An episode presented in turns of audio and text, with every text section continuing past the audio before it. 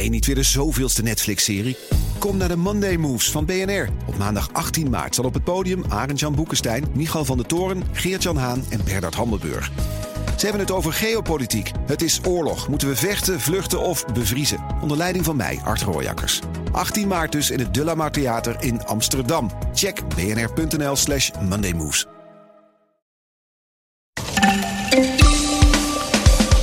De voorraden in de gasopslagen in ons land zijn in jaren niet zo leeg geweest. En dat net nu de gasprijs door het dak gaat en we steeds afhankelijker worden van import. Op welk moment kunnen we stoppen met die corona-QR-codes? Het ministerie van Volksgezondheid heeft geen idee. Experts waar BNR mee sprak denken dat we er nog wel even aan vastzitten en hopen op de lente. En Caitlin Stoker ging naar Dubai om daar iets te zien waar in Europa tot nu toe vooral over gepraat wordt. Een aluminiumsmelterij waar ze groen aluminium maken. Dit is Nieuwsroom, de dagelijkse podcast van het Financiële Dagblad en BNR Nieuwsradio. Met het nieuws verteld door de journalisten zelf. Ik ben Mark Beekhuis en het is vandaag woensdag 4 augustus. Hallo, Bert van Dijk van het Financiële Dagblad. Hallo. We gaan het hebben over de gasvoorraden in Nederland. En mensen maken zich daar zorgen over. Dat die misschien een beetje laag zijn. Hoe laag zijn ze? Um, nou ja, ze zijn uh, het laagste in heel veel jaren ongeveer. En uh, als je kijkt naar heel Nederland, dan, ligt de, dan zijn de gasbergingen, de gasopslagen, uh, ja, die zijn maar 38% gevuld. En dat is heel laag. Um, in heel Europa ligt het op 57%, dus dat is uh, een stuk hoger. Maar ook dat is zelfs heel, heel laag. Dus het is niet alleen in Nederland een probleem, maar Nederland als je kijkt naar alle EU-landen, e dan is, uh, zijn de, de, opslagen in Nederland het leegst. Op Oostenrijk na. Dus dat is wel opvallend. Terwijl we toch best veel gas verbruiken en onze eigen gaskranen hebben dichtgedraaid de afgelopen jaren. Ja, dus, en het is ook nooit, we hebben, die gasbergingen die, zijn, die fungeren als een soort buffer. Die worden in de winter, als het koud is, dan wordt daar wat gas aan ontrokken. En dan gaan ze na de winter gaan ze de, leeg de zomer in. En dan worden ze weer langzaam vol uh, geïnjecteerd met gas gedurende de zomer, zodat voor de volgende winter uh, nou ja, ze weer vol zitten. Mm -hmm. uh, maar dat is eigenlijk nooit een probleem geweest, ook omdat we natuurlijk Groningen hadden. Dus zelfs in strenge winters en als er een grote vraag was naar gas, dan, nou ja, dan kon je de gaskraan in Groningen een klein beetje meer openzetten. dat was allemaal nooit een probleem. Maar ja, Groningen, dat hebben we heel erg afgebouwd en dat gaat gewoon binnen een paar jaar naar nul. Dus dan, nou ja, daardoor moeten we gas uit het buitenland gaan halen. Uh, en eigenlijk al sinds 2018 zijn we netto importeur geworden. Uh, en dat is ook niet echt een probleem. Maar ja, als het gewoon een strenge winter wordt en die bergingen zijn leger dan, dan, dan ze ooit zijn geweest, ja, dan heb je een probleem. Want dan moet je het gaan inkopen op de markt. Dat kan ook nog. Er is genoeg gas in de wereld, maar dan betaal je wel de hoofdprijs. Ja, dan gaat de energierekening omhoog. Ja. ja, en dat gaat ongetwijfeld ook gebeuren. Wie is hier eigenlijk voor verantwoordelijk? Is dat de staat? Had de regering moeten opletten? Nee, eigenlijk niet. De regering die sinds de liberalisering van de gasmarkt is het zo dat de markt eigenlijk verantwoordelijk uh, is. Dat vindt de overheid althans. Nou ja, en dat, maar dat, ja, dat is ook nooit een probleem geweest, want er was altijd uh, voldoende gas. En, uh, maar ja, nu we Groningen hebben gesloten of gaan sluiten, komt het steeds nadrukkelijker naar voren dat we dus heel erg afhankelijk aan het worden zijn van het buitenland. Dus, en als Gazprom, want dat is natuurlijk de belangrijkste buitenlandse leverancier van gas aan Europa en aan Nederland ja, als die wat minder levert, dan, uh, ja, dan hebben wij wel een probleem, want dan moeten we het gas ergens anders vandaan halen. En dat is dan, uh, ja, dan concurreer je gewoon met China op de wereldmarkt als het ware. Als je uh, gas wil kopen of met andere landen. Ja, en dan kan het zijn dat je de hoofdprijs gaat betalen. Misschien dat de regering daar toch verantwoordelijk voor is, maar dat nog niet helemaal door heeft. Dat ze hier iets mee moeten. Want voor olie hebben we toch een soort uh, reservevoorraad altijd van staatswegen, bijvoorbeeld. Ja, voor olie hebben we strategische reserves. Voor gas niet. Precies omdat we dat nooit, eigenlijk was nooit een issue. Al decennia lang sinds ja. we het Groningveld hadden. Dus ja, sommige experts zeggen ook van ja, dat is iets waar je misschien best over kan nadenken. Andere Europese, sommige andere Europese landen hebben dat ook.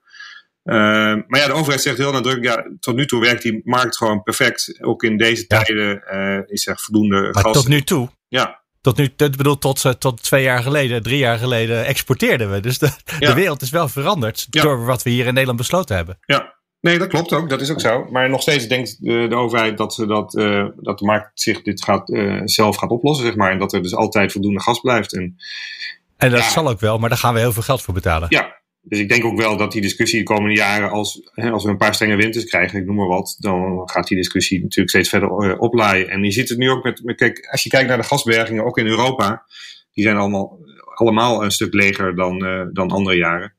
Maar het valt ook op, zeg maar, dat de, de bergingen waar Gazprom, zeg maar, contracten mee heeft, dus waar zij in principe in injecteren, dat die zijn eigenlijk leger nog dan de andere bergingen. Dus dat doet vermoeden... Dus Gazprom levert op het ogenblik niet zoveel. Dat wil zeggen, heeft weinig voorraden in ons eigen land. Uh, ja, want bijvoorbeeld in Bergenmeer, dat is zeg maar een, berg, een grote opslag in Nederland van Taka. Dat is een, een bedrijf uit het Midden-Oosten, maar die hebben een groot contract met Gazprom. Dus Gazprom injecteert daar altijd veel gas. Maar ja, dat hebben ze nu uh, niet gedaan. Ja, en dat roept vraag op waarom doen ze dat niet? Nou ja, er zijn allerlei redenen voor te bedenken. Maar je, je kunt natuurlijk denken, de prijs is verviervoudigd in een jaar, de gasprijs. Dus ja, um, als jij een commercieel bedrijf bent, dan kun je dat gas beter nu verkopen dan dat je het uh, ergens gaat opslaan. Ja. Dus, zullen we het bewaren of zullen we het nu verkopen tegen ja, extreem hoge prijzen? Er zijn ook mensen die zeggen, ja, het is, uh, we hebben die, Gazprom die is bezig met die Nord Stream pijplijn. Uh, ja, er zit ook een geopolitieke druk achter door wat minder. Ik bedoel, Gazprom kan gewoon wat minder gas leveren, dan brengen ze, zetten ze ons wat meer onder druk.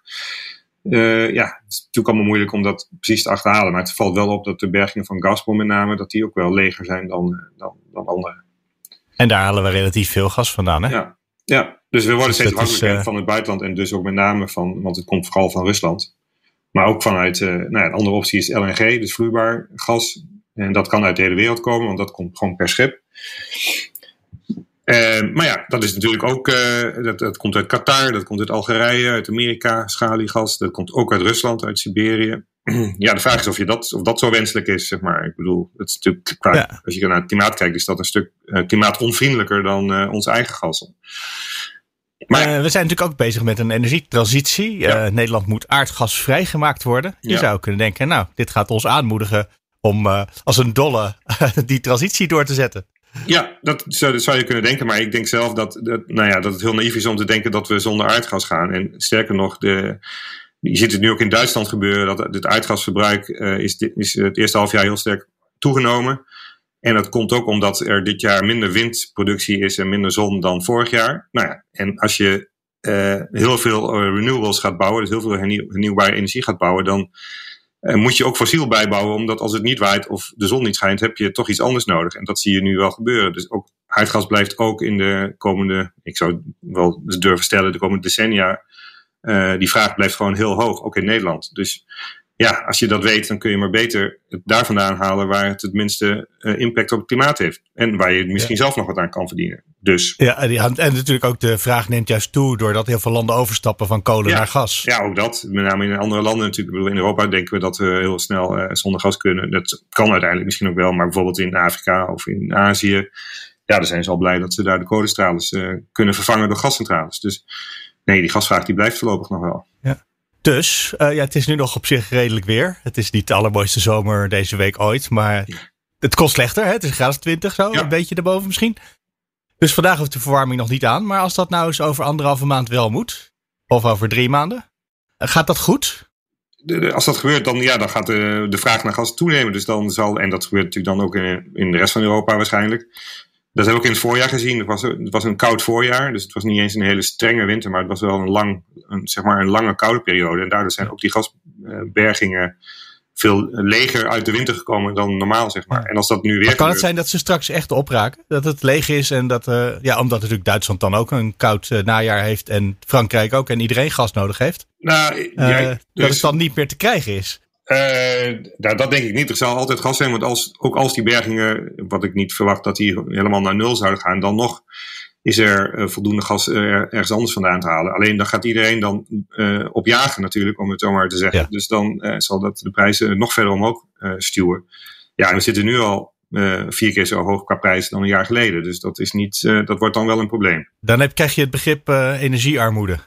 Nou ja. Dat sommige mensen gewoon de verwarming niet kunnen betalen. Ja. Er is wel gas, maar ja. ze kunnen het niet hebben. Nou ja, het komt natuurlijk extra, gaan mensen het voelen, omdat in principe de komende jaren wil de overheid om gas te, uh, te ontmoedigen, de belasting op aardgas uh, verhogen, zeg maar. Dus die, het wordt sowieso al duurder. Uh, en, en op stroom verlagen, zodat je wat meer gaat elektrificeren. Maar ja, voor heel veel mensen is dat, uh, dat elektrificeren nog niet echt een optie. Dus die worden alleen maar geconfronteerd met die hogere lasten. En, uh, ja, en als dan ook de, gewoon de, de, stroomprijs of de gasprijs zelf uh, heel hard gaat stijgen. en je zit met, ja, met, met contracten, met jaarcontracten of vaste contracten die je moet vernieuwen. Ja, dan kun je een stuk duurder uitkomen later dit jaar of volgend jaar, zeker. Ja, zit er nog ergens een zilver randje aan deze donkere wolk? Uh, zilver. Nou ja, ik denk dat dit ook wel de discussie weer doet opleiden over de kleine gasvelden in Nederland. We hebben natuurlijk Groningen gesloten, of dat gaan we sluiten. Maar we hebben nog best veel andere gasvelden in de Noordzee. En ook plannen om boven de Wadden gas te gaan winnen. Waar natuurlijk overal veel verzet tegen is. Ja, ja. En ook wel vanuit bepaalde uh, oogpunten begrijpelijk. Maar ja, het is wel zo dat de, als je daar tegen bent, wat is het alternatief? Want zonder gas kunnen we voorlopig niet. Dus dat zou betekenen dat je het gas ergens anders vandaan moet halen, eh, waar het een grotere impact op het klimaat heeft. Dus, Kunnen we het maken? Kunnen we een eh, kerncentrale bouwen die geen elektriciteit gaat leveren, maar die elektriciteit gaat gebruiken om uh, kunstmatig gas te maken? Nou ja, je kunt met een kerncentrale prima waterstof gaan maken natuurlijk. Dus dan heb ja, je bijvoorbeeld. CO2 en waterstof is natuurlijk helemaal uh, fantastisch. Maar ja, dan moet je er wel, uh, als je een kerncentrale gaat bouwen alleen om waterstof te bouwen, te maken. Ja, dat, ik denk niet dat dat, dat is duur. kan. Maar uiteindelijk... van waterstof kan je natuurlijk vervolgens weer methaangas maken als je graag wil. Maar dat wordt hartstikke duur. Ja. Oké, dus dat is niet de oplossing. Nou, in Amerika, en ik denk ook wel uiteindelijk over een paar decennia is dat wel een oplossing. Als we erachter komen dat we met wind, zon, batterijen, dat we toch wel wat problemen gaan krijgen. Dan, uh, nou ja, dan zul je met kerncentrales kun je namelijk niet alleen uh, elektriciteit uh, maken, maar je kunt ook warmtenetten erop aansluiten. Dus je kunt er steden mee verwarmen en je kunt waterstof gaan maken. Ook omdat kerncentrale gewoon steady 90% of 80% van de tijd draait. Uh, en je dus gewoon een soort continue productie kunt hebben van CO2-vrije uh, uh, waterstof. Waar oh. grote behoefte aan is. En, ehm, dus ja, ik denk dat ook die discussie later, over heel veel jaren, zeker terug gaat komen. Ja. Eerst nog maar eens even die parlementaire enquête over de winter waarin we geen gas hadden. nou, ik denk, denk, dat, ik denk dat het allemaal wel mee gaat vallen, maar qua prijzen gaat het. Het wordt wel duur, het wordt wel ja, duur. Zeker. Absoluut. Bert van Dijk, dankjewel. Graag gedaan. Hallo, Diederik de Groot van BNR. Hi Mark. We gaan het weer eens ouderwets over ons lievelingsonderwerp hebben. Corona, de aanpak van uh, het coronavirus. En in het bijzonder de QR-codes voor toegang uh, voor evenementen. En voor het buitenland trouwens ja, dat klopt. Ja, ja, ja. De QR-code die uh, we in de corona-check-app kunnen genereren, hebben we zowel nodig uh, voor het buitenland als uh, in de toekomst, als het goed is, ook voor het binnenland. Voor het buitenland wordt die op het ogenblik gebruikt. Voor evenementen, nou, dat zeg jij al, die zijn er even niet voorlopig. Nee. Dus dat is simpel. Daar hebben we ze niet nodig. De vraag die jij stelde toen je met het verhaal voor vanmorgen aan de slag ging, moet zijn geweest. Ja, we gaan er misschien dan straks in Nederland wel weer invoeren, maar hoe lang houden we dat? Verdwijnt het ook weer een keer? Was het dat? Ja, eigenlijk wel. Want uh, wat, mij opviel is dat uh, de QR-code voor het reizen dan specifiek, daar is het eigenlijk uh, in mijn herinnering dan een beetje mee begonnen. Dat is, uh, we zouden een digitaal reiscertificaat eigenlijk krijgen, waarmee je binnen de EU kon reizen en kon je bewijzen dat je getest was, uh, negatief gevaccineerd of een herstelbewijs, kan je er ook in zetten. Hè? Ja. en testen voor toegang in Nederland kwam daar eigenlijk naast. Hè? Dus het zit nu allebei geïntegreerd in één zo'n app. Dus je kon dan naar festivals, heeft heel even gekund, en naar nachtclubs kon je lekker dansen met Jansen. Nou, daar hebben we het al eens eerder over gehad. Dat was niet zo'n groot succes. Dat is er dus nu heel even niet. Maar in de toekomst, als het goed is, weer wel. Dus bijvoorbeeld, uh, overigens wat er nu trouwens nog wel is, is de voetbalwedstrijden. Hè? Oh ja. uh, bijvoorbeeld dit weekend zit de arena nou, zo goed als vol met mensen die als het goed is allemaal een, een QR-code hebben laten zien. maar in de toekomst zal dat ook wel weer gaan gelden voor evenementen en andere druk bezochte plekken. Uh, en mijn vraag was inderdaad van oké, maar wanneer eindigt dat dan eigenlijk? Want uh, we gaan er allemaal van uit dat aan het einde van deze zomer ongeveer iedereen die dat wil wel zo'n beetje is gevaccineerd. Net wel, net niet. Dus ja, waar doe je het dan eigenlijk nog voor? Nou, antwoord is natuurlijk dat er heel veel mensen ook niet zijn gevaccineerd. Die kunnen ook in het ziekenhuis liggen, uh, komen en de, de zorg heel erg belasten. Dus of dat nou hun eigen schuld is of niet, dat is ook een maatschappelijk probleem. Mm. Dus daar moeten we ook nog weer rekening mee houden. Uh, nou, ik heb virologen, epidemiologen, andere experts gebeld met deze vraag. Wanneer is het nou eigenlijk logisch om dit af te schaffen? Wanneer kunnen we hier vanaf? En zij komen eigenlijk dan allemaal uit op deze winter. Uh, moeten we dat gewoon gaan zien. Uh, en na die winter, dus in de lente of in de zomer van 2022, dan zouden we wel weer eens kunnen gaan nadenken over een, maatschappij waar je gewoon naar het voetbalstadion kan zonder QR-code. Want waarom hebben we die code dan nog nodig als straks iedereen die dat wil ingeënt is? Dat heeft er dan dus inderdaad mee te maken dat er ook een groot gedeelte van de mensen niet ingeënt zal zijn. Ja, maar dat moeten ze gewoon wel doen. Dat is dan toch. dus ik moet nu een QR-code laten zien, omdat andere mensen niet zich willen laten prikken. Ja, dat, uh, zo, zo, zo zwart-wit kan je het in principe wel zien. Uh, tegen die tijd althans. Hè, want nu ja, jij voorlopig natuurlijk nog maar, niet. Maar, maar uh, wat ik al zei, het gaat hier in Nederland sturen we al de hele crisis zo'n beetje op de zorgbelasting. en eh, als dat Delta-variant zich in de winter, want we hebben nog niet echt in de winter de Delta-variant meegemaakt, zich zo gaat gedragen dat hij, ondanks dat het maar een procent of tien van de bevolking is niet gevaccineerd, dat hij heel veel mensen toch tegelijk ziek kan maken. En die mensen ook in het ziekenhuis komen te liggen. Uh, en ook mensen die wel zijn gevaccineerd kunnen natuurlijk, kleine kans, uh, in het ziekenhuis dat ja, meemaken. Als je dan pech hebt en het hoopt zich allemaal in één keer heel erg op, kan je toch een, een scenario vrezen ze krijgen Um, waar de zorg overbelast raakt. En waar je dus zou moeten zeggen van dit kunnen we niet meer aan. We moeten toch weer uh, maatregelen in gaan stellen. En die maatregelen zouden dan bijvoorbeeld ook zijn uh, dit. Maar je kan het eigenlijk dan beter gewoon nog heel even in stand houden. Is de opvatting. Uh, zodat je in ieder geval niet in één keer tegen die piek aanloopt. Dat je in één keer verrast wordt door een enorme toename. En dat je ook niet alvast die QR-codes het hele systeem weggooit. Terwijl je het misschien over drie maanden weer nodig blijkt te hebben. Exact, het staat er nu pas net eigenlijk. Het, het, het, het heeft nog niet eens goed gewerkt, want uh, in het begin. Nee. Uh, nou, dat is ook een reden om te denken: hebben we het überhaupt nodig? Want tot nu toe, de ervaringen uit het verleden zijn nog niet zo dat je denkt: ja, hier nou. gaan we de wereld mee redden. Dat klopt uh, inderdaad. we hebben natuurlijk VWS ook gesproken. Die zeggen, het staat er nu net, we gaan het even aftuigen, het ja. ministerie. Ja, maar bijvoorbeeld Bert Mulder van het Red Team. Je weet het, altijd kritisch, het Red Team. En. Bert Mulder niet in de laatste plaats. Die zegt, nou, voordat we dat testen voor toegang überhaupt kunnen gebruiken, of het nou werkt of niet, moeten we hier in Nederland überhaupt eerst maar eens gewoon zorgen dat uh, de besmettingen naar beneden gaan. Want hij zegt in Duitsland hebben het al, daar gebruiken ze het al eh, lang. Daar werkt het ook goed. Maar daar zijn de besmettingen heel veel lager. Dus als het zoals het op dit moment het virus in Nederland rondgaat, ben je nog niet eens überhaupt klaar om, als het al goed zou werken, om het in te zetten. Ja, dat heeft natuurlijk ook te maken met wat je net zei. Dat we in Nederland het hele beleid is gericht op de overbelasting van ziekenhuizen. Om dat te voorkomen, maar niet op het beperken van besmettingen per se. Nee, dat klopt. Het is een feit dat er niet uh, per se is gestuurd, ook uh, nu niet, op het terugdringen van het aantal besmettingen, maar weer ja. op de ziekenhuizen. En voor die QR-codes, om daar überhaupt iets aan te hebben, heb je dus een lage besmetting nodig. Nou, uh, een QR-code die kan je bijvoorbeeld verkrijgen door een, een zelftest te doen. Hè? De, of sorry, geen zelftest, een sneltest. sneltesten, ja. dat is gewoon gebleken ook bij de nachtclubs, wat een fiasco werd.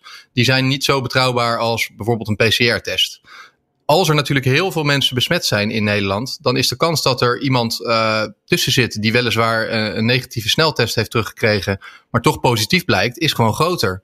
Dus hoe groter het aantal mensen ja. is dat een besmetting rondloopt, hoe groter het R-getal, hoe groter ook de kans dat het hele systeem uh, misschien niet toereikend genoeg is om het veilig te organiseren.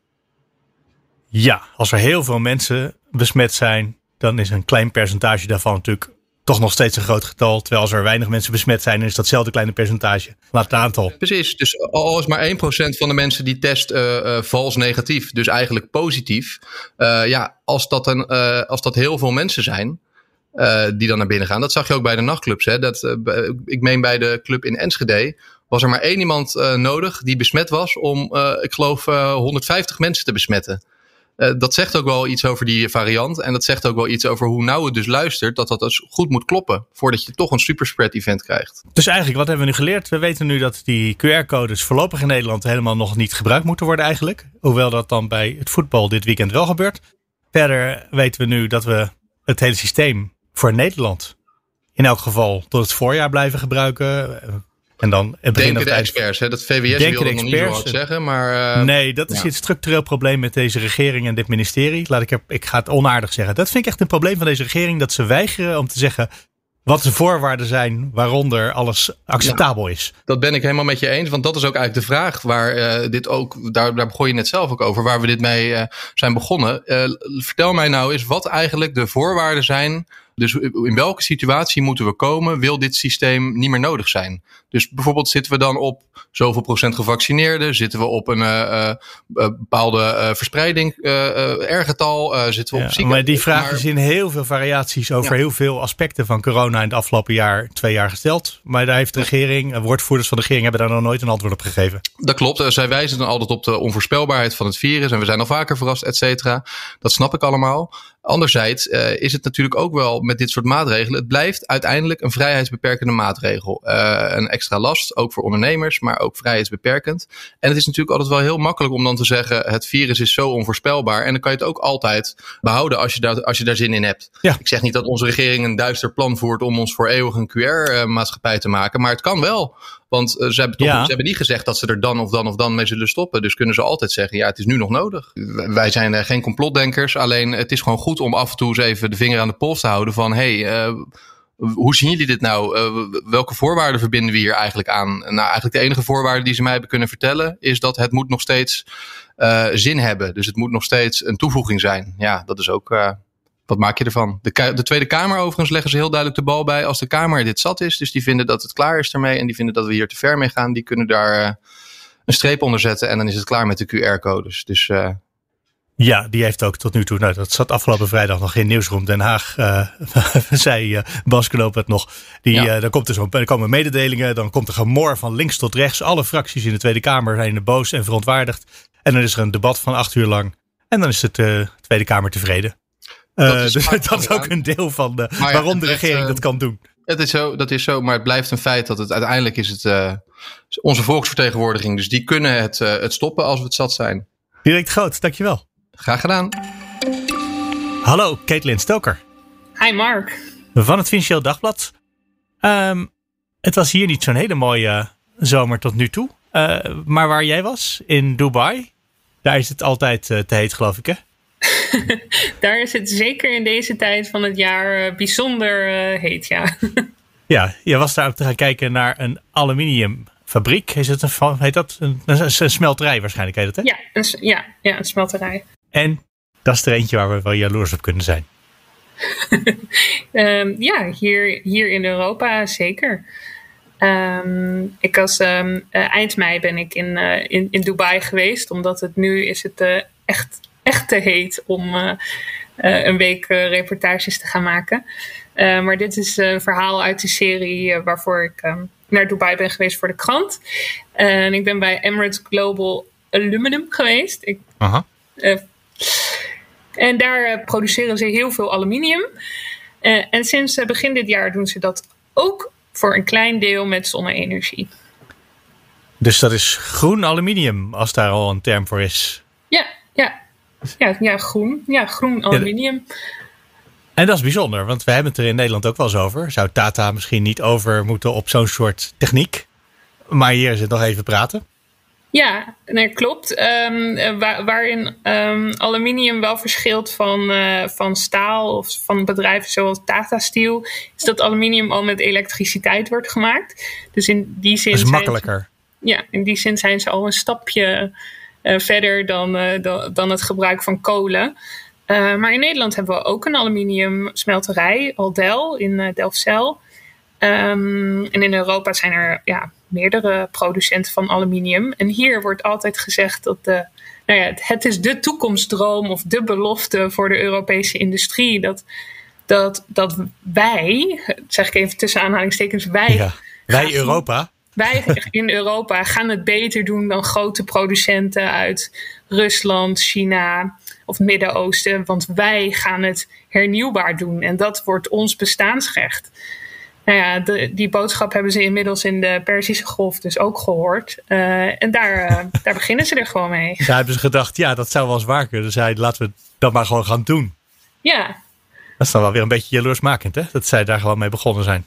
Ja, nou, er moet wel een kanttekening bij maken dat er zitten drie um, aluminiumproducenten in bijvoorbeeld IJsland. En die produceren al wel met waterkrachtcentrales en met aardwarmte. Dus het is niet dat we in Europa helemaal niets doen, maar waar... Nee, maar in Delfzijl uh, lopen we nog een beetje achter nu ineens. Ja, daar, daar is er nog niet zo'n directe link tussen de, de hernieuwbare energiebronnen en de productie Behalve dat er certificaten worden ingekocht. Ja, als alles al elektrisch is, is het, dan, uh, is het dan moeilijk om over te stappen van fossiel naar gewoon zonne, zonne-energie in dit geval? Windenergie zou dan ook kunnen waarschijnlijk? In theorie niet, want uh, ja, je levert het elektriciteit aan, uh, aan het net. En de aluminiumfabriek onttrekt het aan het net. En zo uh, zou je kunnen zeggen, zet je een switchje om waar je het inkoopt en kun je overstappen op, op, um, op duurzaam. In het geval van Europa, um, het gaat ook om capaciteit. Het is niet alsof je één, één lichtknopje omzet. De productie is enorm. Er moeten grote voorraden zijn, er moeten grote zonneparken beschikbaar zijn, grote windparken, om zo'n heel productieproces te elektrificeren.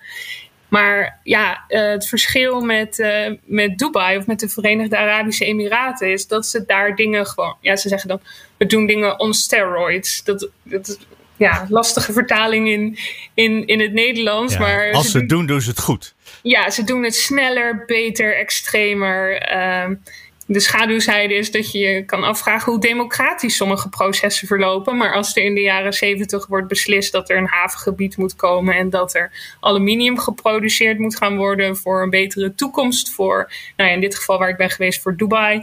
Dan doen ze dat. Dan wordt er een decreet uitgeschreven en dan staat daar een megafabriek. Want er wordt, ja, even ter vergelijking, er wordt daar een miljoen ton aluminium per jaar geproduceerd in het buuremiraat Abu Dhabi uh, anderhalf miljoen ton.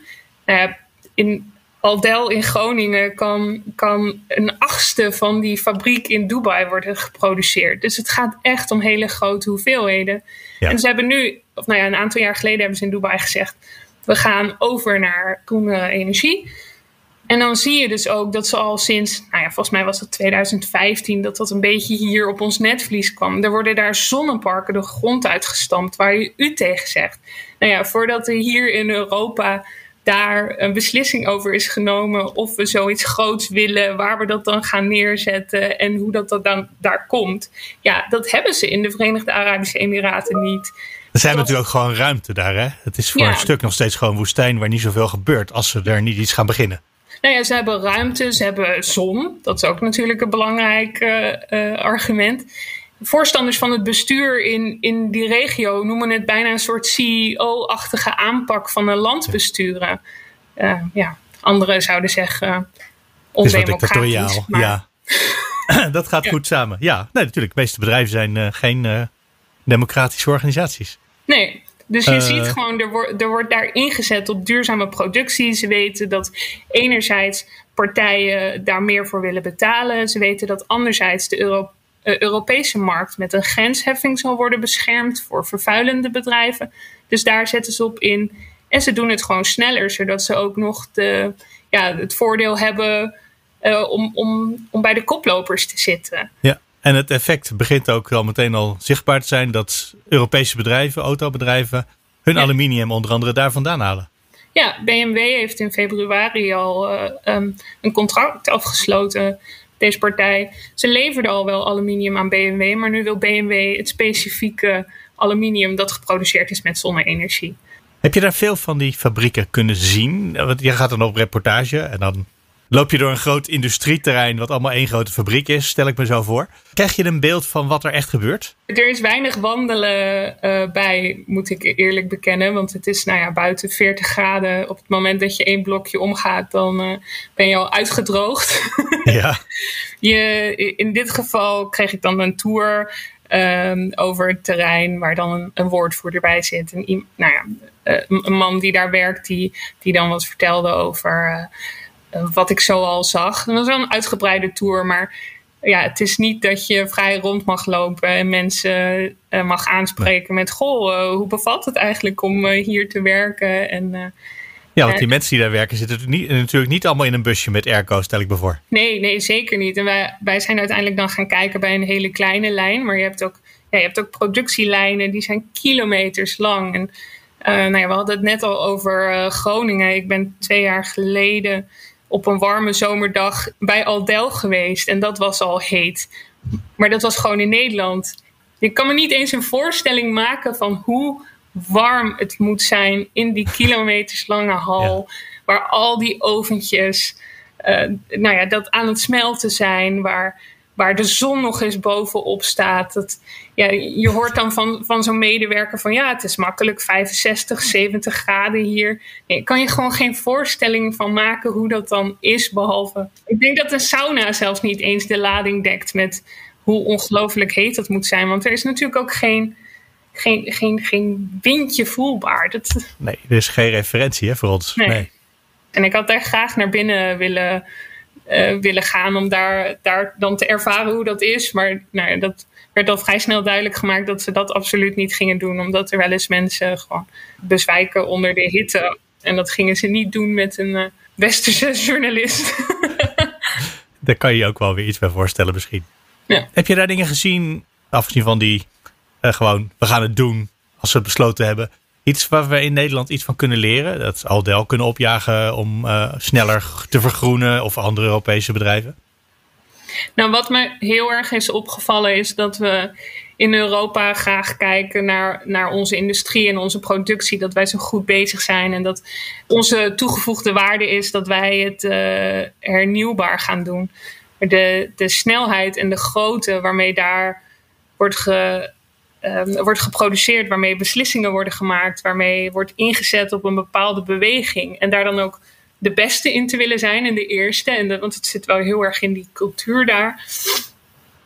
Ja, ik denk dat we dat in Europa nog wel eens onderschatten. Hoe, hoe groot die krachten zijn die daar spelen. En uh, ja, er is heel veel vraag naar aluminium. Er zal de komende jaren heel veel vraag naar aluminium zijn. Dus die, het, het hoeft niet direct een uh, bedreiging te zijn voor alle Europese industrieën. Maar ik denk dat we hier nogal graag kijken naar hoe goed we het zelf doen. En vergeten dat. Uh, ja, dat anderen dat ook doen. En dat we eigenlijk haast hebben misschien wel. Ja, dat, dat het tempo wel iets omhoog mag eigenlijk. Ja. Tot slot, de vraag die ik misschien helemaal aan het begin al had moeten stellen voor de zekerheid, het is gewoon aluminium. Hè? Het is niet dat het aluminium er anders van wordt. Nee, het is gewoon, gewoon aluminium. Ja. Je ziet er niks aan, behalve dat ze er een uh, mooie naam op hebben geplakt en er meer geld Ah, stempeltje erbij. Oh, het is wel duurder. het is wel duurder, ja. Ja, ja, ja. Zeker. Kijk. Het kost wat om de wereld te verbeteren, Mark. dat gaan wij betalen aan de mensen in Dubai. Caitlin Stoker, dankjewel. Graag gedaan.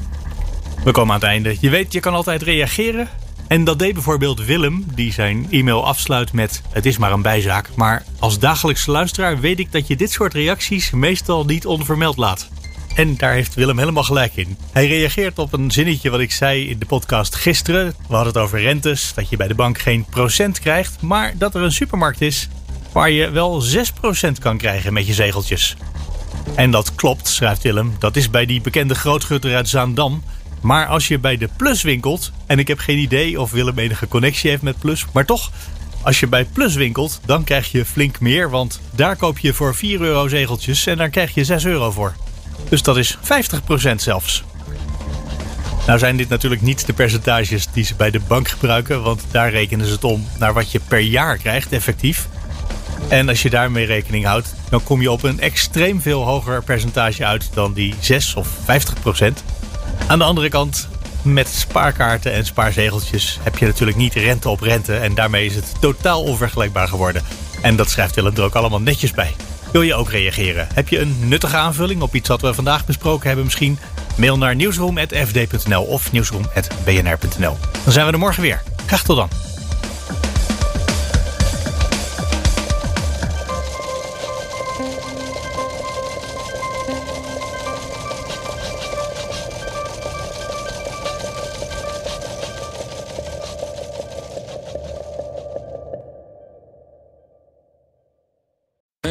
Market Fit, proposities, valideren, scalen, blue oceans, bootstrapping, burn rates, groeistrategie, schalen en disruption.